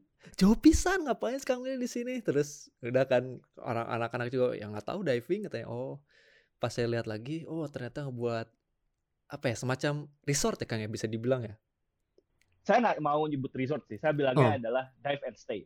Ah oke. Okay. ke proyek ke, uh, saya diajakin teman-teman saya dikasih kesempatan untuk membuat uh, bekerja bareng mereka bikin proyek uh, diving uh, dive dive operator dive operator mm-hmm. dive center gitu ya jadi dari 2016 sampai kemarin 2000 akhir 2019 mm-hmm. saya di Alor uh, bikin dive center uh, dan uh, jadi bagian tim operasional di sana mm. gitu dit uh, kalau misalnya tadi kan Kang Willy diajakin dulu nih sama teman-teman buat mm -hmm. bikin dive center. Tapi pas di situ kan belum ditentuin kan tempatnya di mana. Nah mm -hmm. uh, jadi Kang Willy tadi kan udah bilang juga ke Raja Ampat ke mana lagi tadi teh? Uh, Komodo. Uh, Komodo dan lain sebagainya. Uh, nah tapi hmm. apa yang akhirnya ngebuat Kang Willy sama tim waktu itu? Apa memutuskan uh, untuk dialog ya memutuskan untuk dialog uh, baik lagi. Saya orang saya nggak bisa bilang saya orang idealis ya. Tapi uh, buat saya proyek yang di Alor adalah proyek idealisme saya lagi. Sama seperti parkour, mm-hmm. dive, membuat uh, parkour dan parkour gedung, uh, dive, diving dan air dive Alor itu adalah proyek idealisme saya. Kenapa mm-hmm. memutuskan untuk di Alor? Karena jadi sebelum kita memutuskan di Alor itu uh, saya dan teman-teman saya pergi ke Alor uh, sebenarnya pada saat itu bulan saya agak lupa April apa Mei ya 2016 mhm. itu adalah kayak semi liburan tapi uh, survei. Jadi saya sama teman-teman saya yang membuat Air Developer ini tahun sebelumnya kita pergi ke Komodo untuk liburan. Mm-hmm. Nah di situlah sebenarnya idenya muncul. Jadi kita ngobrol-ngobrol, kita live on board selama kurang lebih 8 hari. Ketika di boat tuh semua kan diobrolin. Mm-hmm. Uh, kita punya mimpi untuk kayak oh ya seru ya kita punya sesuatu melakukan sesuatu nih dan saya selalu berpikir melakukan sesuatu di timur Indonesia. Hmm. Pada saat itu muncullah ide yang tercetus untuk membuat sesuatu di timur Indonesia. Uh, why, Kenapa why, di timur? Ya, why, yeah, yeah, why, Kenapa why. timur Indonesia? Karena mm -hmm. to be honest, bagian Indonesia yang paling indah adalah timur Indonesia. Hmm. Diving di Indonesia semakin ke timur semakin indah. Hmm. Kaya sekali Indonesia. Tapi seperti yang kita tahu kenyataannya bagian timur Indonesia adalah bagian yang paling tertinggal dari Indonesia sendiri, betul? Betul. Dan kita selama ini selalu mengeluh. Kenapa orang bule selalu yang pertama mengembangkan pariwisata di timur Indonesia? Yes. Dan it dan dan tidak dipungkiri saya adalah salah satunya pada saat kenapa sih orang bule lagi? Kenapa sih orang bule lagi? Hmm. Sampai saya ditampar nih, baik lagi saya ditampar. Saya kan orang suka ngobrol, saya ditampar lagi sama orang.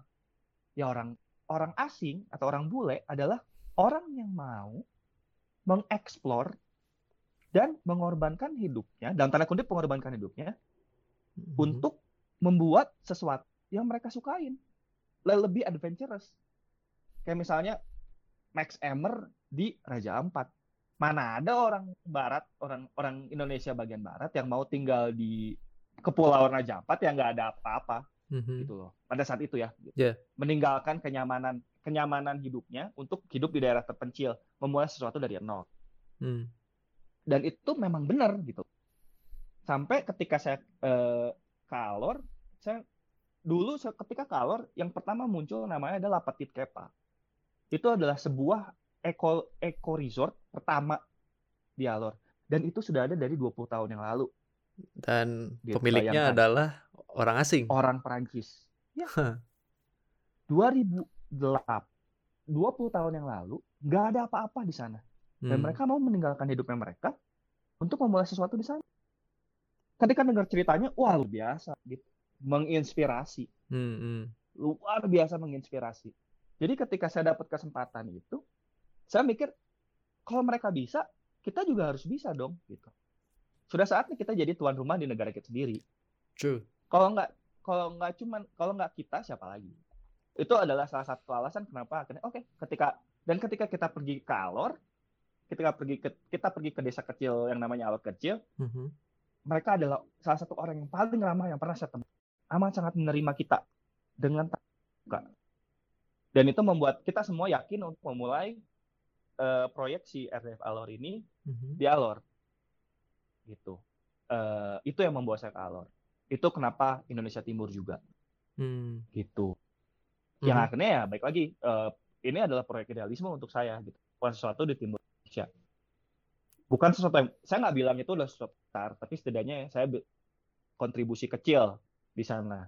Nah akhirnya si proyek ini nggak cuman nggak cuman kita membuat si dive and stay ini, dive mm -hmm. operator ini, tapi juga di sana saya akhirnya berkesan kayak memberanikan diri kayak bikin kelas kecilan ngajar bahasa Inggris buat yeah. anak-anak sana. Ya, yeah. ya, yeah. saya uh, nonton saya nonton videonya yang di upload sama Endang Sukamti. Mas Erik Ya, Mas Erik ya, Erik ya, Erik Skanti ya, betul. Sama Mas Erik. Nah. Hmm. nah, karena memang pas di sana kamu melihat sendiri bagaimana sih kehidupan kehidupan mereka di sana. Hmm.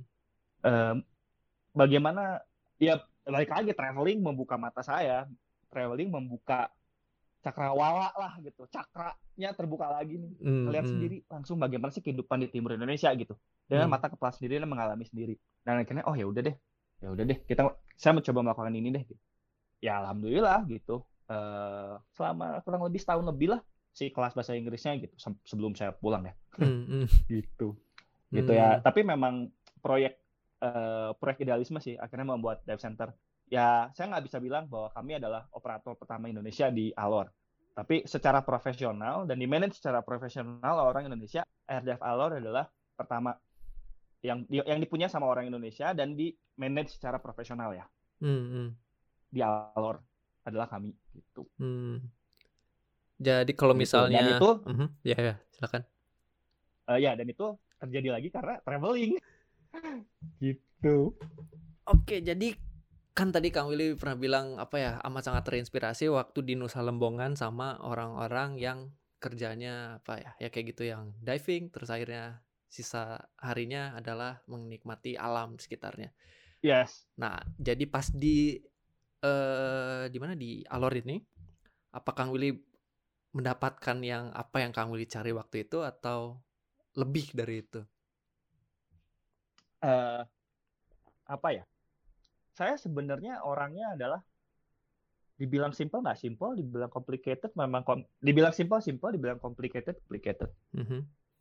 uh, ketika saya di Lembongan, saya jatuh cinta sama alam bawah laut, saya jatuh cinta sama gaya hidupnya.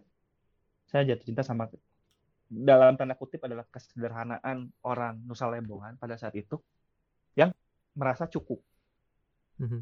Gitu loh. Uh, buat saya dan ketika saya di sana uh, ketika orang berpikir wah kerja diving duitnya banyak, sebetulnya enggak karena dapat bayarnya kecil, tapi mm. cukup.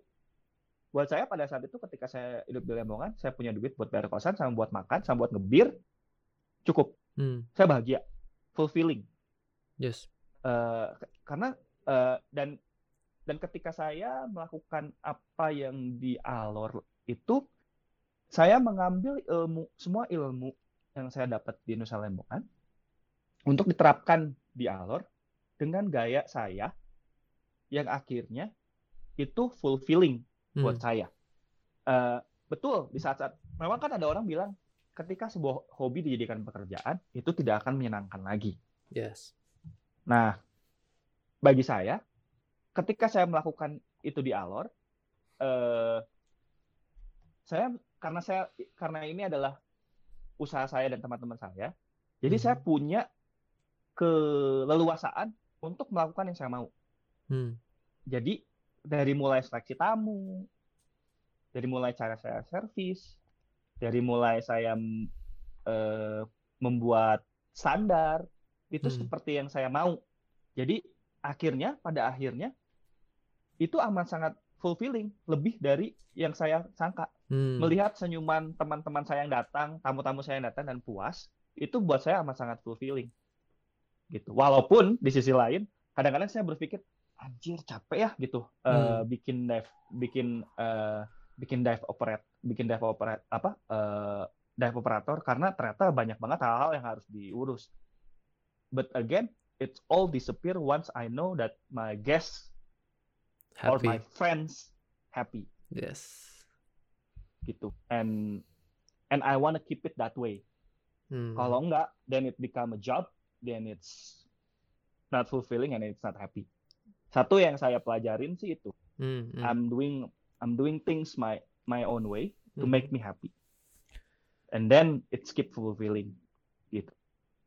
Uh, tapi saya percaya sih kalau misalnya saya nggak tahu ya tapi pandangan saya soal idealisme ya seperti itu hmm. kalau ketika kamu punya sesuatu yang itu idealisme selama itu terpenuhi uh, kamu akan merasa senang tapi baik lagi kalau yang namanya idealisme ketika di, dimasukin unsur yang lain bakalan ada konflik yang interest gitu hmm.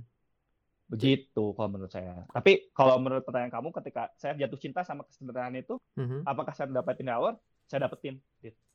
lebih dari itu bahkan sana. iya lebih bahkan saya nggak pernah saya nggak pernah berpikir saya make a big make a big impact or whatever it is ya mm-hmm. or inspiring people.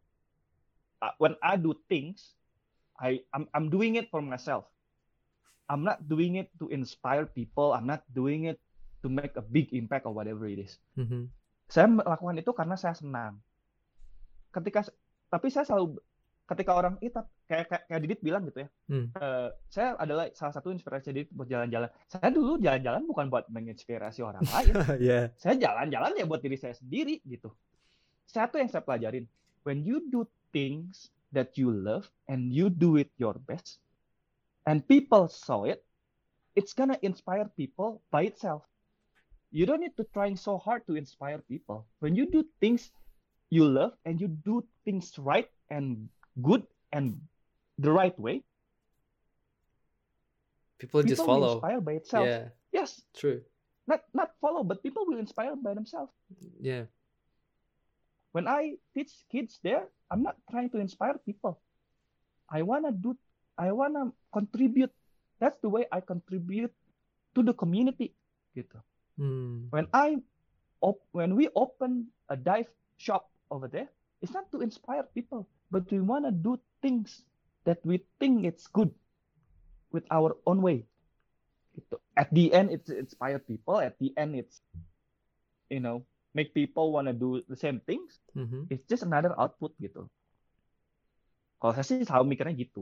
Jadi memang memang uh, ya cara pandang saya seperti itu. Dan ketika saya melakukan apa yang saya mau dengan cara saya sendiri it's fulfilling hmm. gitu dan yes, what I did in Alor, uh, I get more than I uh, than what I have.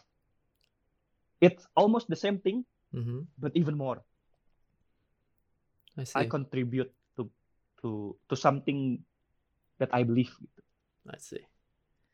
Gitu. Ini selalu terjadi kalau misalnya saya ngomong sama Kang Willy ini secara privat pasti aja ada apa ya apa ya kata-kata yang aduh bener juga gitu yang saya lagi saya tidak mencoba untuk menginspirasi ya saya cuma ya udah itu saya pikirin saya cara curut pandang saya seperti itu gitu ya yes, selalu ya tapi apa ya selalu aja selalu aja kalau misalnya ngomong sama Kang Willy gitu dan Kang Willy tuh apa ya bener-bener wah ini nih gini nih jadi pandangan saya gini saya tuh selalu oh iya bener juga ya Ah, jadi terima kasih. Iya, kebetulan sekali lagi. Kita cocok sih, Dit. iya sih. Banyak banyak kan banyak pisan sebenarnya dari di parkour. Betul, kita cocok aja. Uh, uh, dari parkour, dari di wah banyak lah. Dari pertemanan juga, dari masalah-masalah yang kita hadepin. Banyak hmm. pisan yang ngebuat saya ah bener juga omongannya Kang Willy jadi ingat nih bla bla bla. Jadi sekali lagi terima kasih. kalau yang diingetnya yang yang yang yang baik-baik. yang jelek-jeleknya juga kan banyak sebenarnya. Tapi balik lagi ya itu semua kalau saya sih uh, dapat itu semua dari pengalaman. Hmm. Apa yang kita bicarakan, apa apa yang saya pikirkan itu semua kan dari pengalaman ya Dit ya. Dan menurut saya pengalaman pengalaman saya ya saya dapat dari hal-hal yang saya lakukan dari mm -hmm. parkour.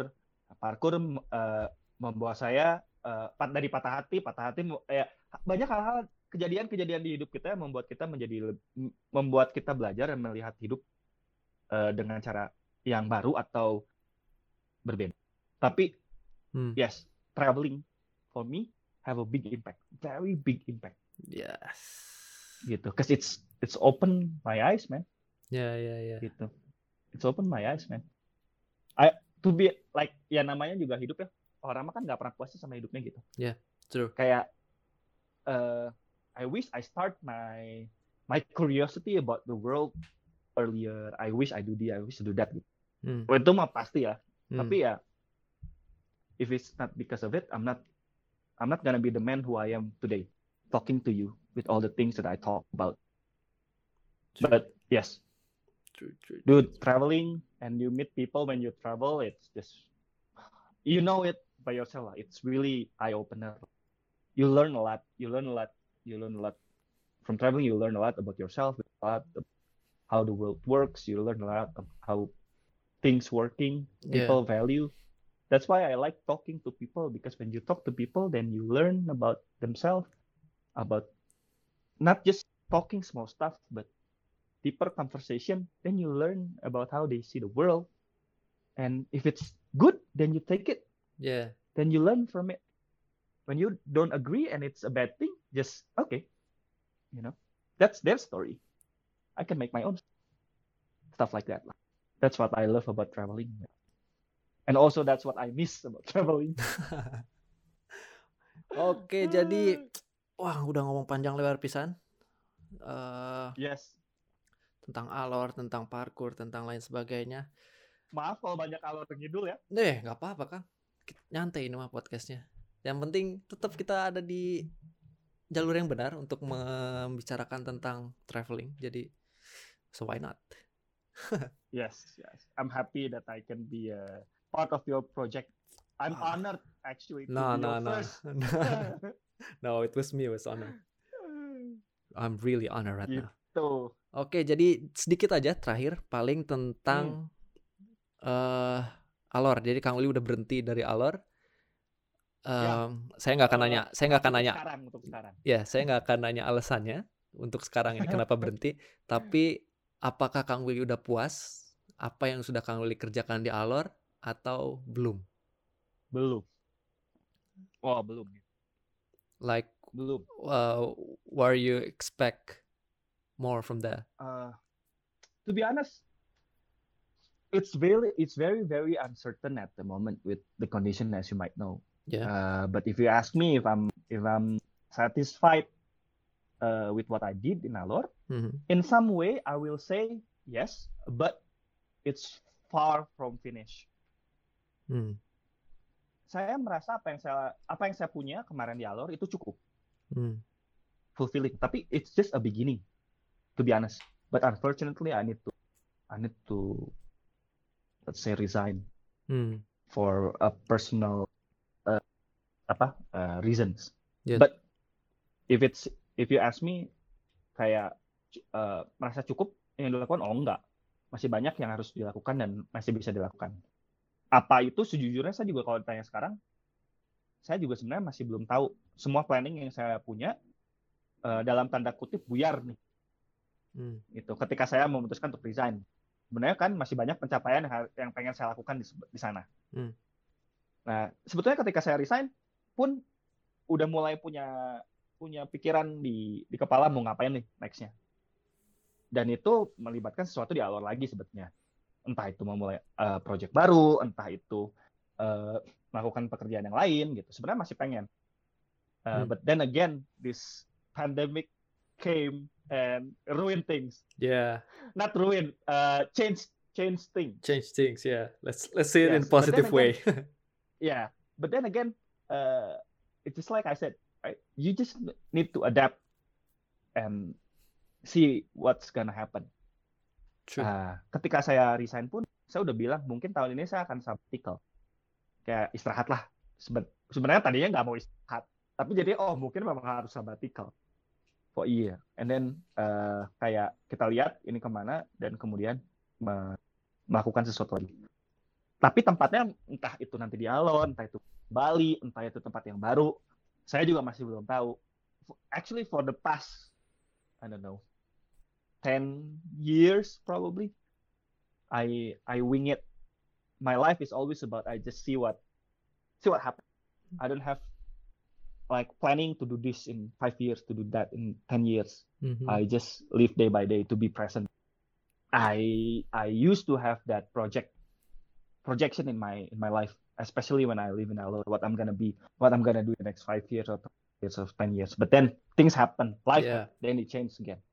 So I'm just gonna adapt and just gonna wing it Jadi kalau misalnya ditanya apakah itu sudah cukup, saya no man, it's not enough. There is a lot of things that I want to do. You just wait yeah, for the moment to come. I need to start travel again and then find things, find something else again. I can recommend better. You should. right? Maybe yeah. I just need to travel again and then find stuff. But unfortunately, it's it's a bad time to yeah, travel. It's not now. So, yeah, I now for now I stay at home, be with my family. So well, you know, it's it's a good thing. Yeah. I've been away from home for the past uh, seven years, so it's a it's a good thing to be at home and be close to parents and family. So yeah, it's a good thing. Yeah, that's a good way to see the positive of this yes. pandemic thingy. But need to man, need to. Yeah. Yang paling terakhir okay. sebelum ya. sebelum pamit, saya cuma pengen sedikit ada game Gamenya hmm. simple banget. Saya bakal nyebutin negara selama satu menit. Kang Willy nyebutin nama ibu kotanya. Let's make this interesting, a bit interesting. Come on. Dude, I'm I'm very bad at judging. Stop, man. You make me look bad, but I'll try. I'll try. Nah, it's okay. It's okay. Like I, some I people, like, some people good at something, and then some people like uh, bad at that thing. I don't like, learn yeah. about that stuff anymore. I used no, to. No, no, it's okay. okay, okay. Okay, let's just start then from now. Indonesia. Jakarta. Thailand. Bangkok. Malaysia. Uh, Kuala Lumpur. Korea Selatan. Seoul. India. New Delhi. Swedia. Oh shit. Uh, uh, you can pass. Uh, pass. Kanada. Wait. Uh, Toronto? No? Uni Emirat Arab? No, no, no. That's Vancouver. No. No, no. I don't know. Uni Emirat Arab. Oh shit. I have no idea. Pass. Libya. Pass. Portugal. Lisbon. True. Mexico. Uh, Mexico City. Brazil. Sao Paulo. And Argentina. Uh, Buenos Aires. Aires. True. Okay. that's got, that's one minute. Like wrong. Oke. Okay. A lot of it's wrong. Jadi Kang Willy Indonesia benar, Jakarta, Thailand benar, Bangkok, Malaysia benar, Kuala Lumpur, Korea Selatan, Seoul ya tadi ya, Seoul benar, India uh. India New Delhi benar Swedia Swedia kelewat ya tadi ya Stockholm Stockholm yes Kanada itu Ottawa well gampang. Itu, itu sama kayak Australia uh, Sydney. Eh, eh, huh? Australia Sydney biasa orang-orang tapi kan Canberra yang sebenarnya Canberra kan? Iya. Canberra kan? Iya. Iya Canberra kan? Ya. kok seperti ya Canberra harusnya. Yeah, banyak yeah, banyak like, yang ketukar yeah, baik yang ketukar Uni Emirat yeah, Arab Canberra. tadi salah juga Abu Dhabi. Eh salah ya? Salah ya? Tadi apa? Dubai? Enggak jawab. Oh enggak jawab. Libya Tripoli oh iya Portugal Tripoli. Lisbon benar Meksiko tadi apa Kang Mexico City ya Iya. Betul. Brazil itu salah bukan Sao Paulo, Brasilia. Ah, oh, shit. Dan terakhir Argentina itu Buenos Aires, itu betul. Jadi dari 13 yeah. 1 2 3 4 5 6 7 8. Not bad, not bad. 7 lah ya, 7. Berarti 7. 7. 8. 2 3 4 Nilainya 5 7. 6 7 8. Oh iya ya. Tapi sebenarnya dari soal yang saya siapin ada 20. karena di menit aja jadi cuma segitu yang bisa dijawab berarti kalau dari 20 mah nggak nyampe 5 nilainya 4 oke itu aja Kang makasih banyak siap buat it, podcast sehat, buat jadi tamu podcastnya sama-sama touch man we should keep in touch every now and then you know sure sure just say hi whatever yeah it's really it's really it's really nice to reconnect with you and to know that you grow growing into this amazing person, man. Like oh. seriously, you're amazing. Part of it all thanks to you. So thank you. I'm just a friend. you like you like you know. I'm I'm happy that I'm honored you said that, but you know, we are we are brother, man. We we True. we grow up. So yeah. True, yeah. I'm Let... happy that we connected again, man. Yeah, let's keep in touch then. Um, yes. yeah. Sampai situ aja, Kang Willy. Jadi terima kasih. Okay. Uh, Sama-sama. Saya Nanti tunggu. lagi kita. Oke, saya tunggu uh, traveling without moving part 2-nya kalau gitu. Oke. Oke, itu aja Kang Willy. Dadah. Sehat, Dit. Yep. Dadah. Bye. So, there you have it. Uh, sekali lagi saya ucapkan terima kasih dan good luck untuk ke depannya buat Kang Willy. Uh, Sebenarnya ada satu hal random yang saya lupa ceritain tentang Kang Willy, yang mungkin dia juga lupa. Jadi, Kang Willy ini uh, apa yang saya sebut sebagai anak gaul Bandung dalam tanda kutip. Kenapa? Karena setiap saya pergi ke suatu tempat dengan beliau, pasti akan ada kenalannya yang menyapa. Dan bagian yang paling saya ingat, uh, jadi saat itu saya rencananya pergi ke Bali dari Bandung dengan menggunakan pesawat untuk acara Jamnas yang sedikit dimention di wawancara. Jadi Jamnas itu bukan jambore nasional yang biasa dipakai untuk acara pramuka se-Indonesia, tapi jamming nasional yang merupakan event gathering yang pada saat itu tahunan untuk komunitas parkour Indonesia. Uh, jadi pada saat itu saya ke Bandara Hussein, uh, udah check in dan lain-lain. Nah pas nunggu untuk boarding, petugas maskapainya manggil nama seseorang yang saya kenal. Padahal orang itu saya tahu banget sedang di Bali. Namanya adalah Willy Irawan. Nah, jadi usut punya usut. Uh, pada saat itu, seharusnya Kang Willy merupakan salah satu calon penumpang yang harusnya on board, tapi tiketnya nggak jadi dipakai. Uh, alasannya apa? Saya lupa. Waktu itu pernah nanya juga tapi lupa. Uh, yang menariknya adalah alasan si petugas maskapai itu manggil nama Willy Irawan, walaupun nggak check-in sama sekali, adalah karena dia atau petugas itu adalah salah satu followernya di Twitter. Nah, jadi apa ya untuk dipanggil oleh petugas maskapai penerbangan karena dia kenal atau ngefollow saya di sosmed itu jadi salah satu checklist apa ya cek checklist yang terinspirasi dari Kang Willy. nah, jadi berbicara tentang sosmed, kalau kalian tertarik dengan cuitan dari beliau bisa di follow di @willy_irawan, uh, Willy dengan double L dan Y jadi W I L L Y I R A W A N Willy Irawan bisa dicek juga nanti di deskripsi podcast ini uh, juga di Instagram dengan nama yang sama. Di sana banyak banget foto-foto alam bawah laut yang menarik dan sangat indah. Dan kalau ada yang ingin disampaikan mengenai podcast ini silahkan mention, saya di at dot underscore double o atau at dit dot underscore oo uh, bisa say hi uh, kirim saya kritik, saran, atau masukan, atau apa pun itu silakan. Jadi sekali lagi terima kasih sudah mendengarkan.